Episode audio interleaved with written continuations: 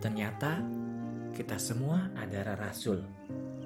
Rabu 11 Mei bacaan Injil diambil dari Yohanes 12 ayat 44 sampai dengan 50. Yesus berseru katanya, Barang siapa percaya kepadaku, ia bukan percaya kepadaku tetapi kepada dia yang telah mengutus aku.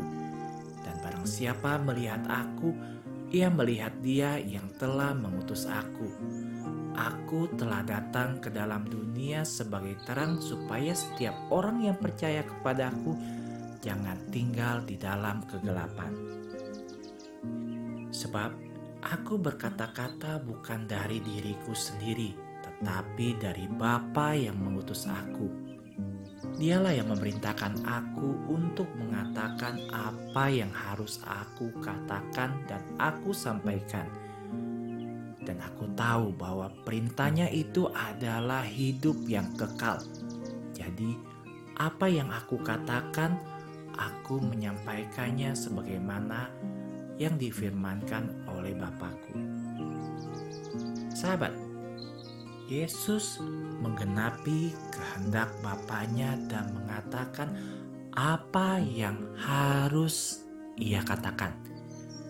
Itulah misi para rasul untuk berbicara. Ketika Rasul Yeremia diberi misi, ia berkata, "Ya Tuhan Allah, lihatlah, saya tidak tahu bagaimana berbicara karena saya hanya seorang pemuda biasa." Tetapi jawab Tuhan adalah Jangan katakan aku ini masih muda. Karena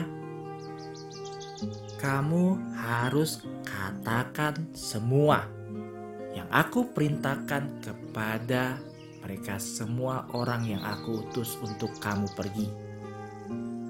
Jangan takut kepada mereka, karena aku menyertaimu. Yeremia 1 ayat 6 dan 7. Musa pun pernah pamit diri dengan berkata, "Ya Tuhan, lidahku tidak fasih dan aku lambat berbicara." Tetapi Tuhan berkata kepadanya, "Siapakah yang membuat mulut manusia? Bukankah aku Tuhanmu?" Sekarang pergilah dan aku akan menyertai mulutmu dan mengajar kamu apa yang harus kamu katakan. Keluaran 4 ayat 11 dan 12. Ini seolah-olah mengatakan aku mengenalmu karena aku yang membuatmu. Aku tahu apa yang bisa aku minta darimu sekarang pergi dan berbicaralah dengan mereka. Jangan takut, aku bersamamu. Pengertian ini dimaksudkan bahwa kita semua orang Kristen adalah rasul, sahabat. Kita dipanggil untuk berbicara dan jangan takut, menyebarkan terang kebenaran sebuah cerita tentang seorang profesor Universitas Sastra Spanyol yang memiliki kebiasaan menceritakan lelucon kotor saat ia mengajar. Banyak siswa tidak nyaman dengan itu tetapi tidak berani mengatakan sepatah kata pun. Tiba-tiba ia bertanya di dalam suatu momen, Apakah ada yang mengetahui puisi dari Decima Espinela? Desima biasanya lucu dan isinya menyindir kelemahan atau tindakan bodoh seseorang. Tiba-tiba, seorang gadis Katolik yang baik muncul dan memulai membaca dengan suara keras yang jelas sebuah doa kepada Bunda Maria, meminta kesuci murnian yang tepat dalam kondisi tersebut terberkatilah kemurnianmu. Semoga diberkati selamanya.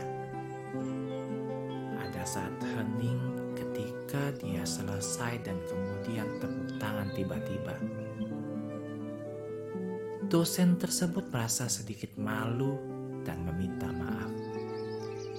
itu adalah akhir dari leluconnya yang tidak pantas. Budaku, Ratu para Nabi, bantu aku memiliki keberanian untuk berbicara dan memberikan cahaya kapan pun diperlukan pada semua orang di sekitarku. Bunda Maria harapan kita dan tata kebijaksanaan, doakanlah kami.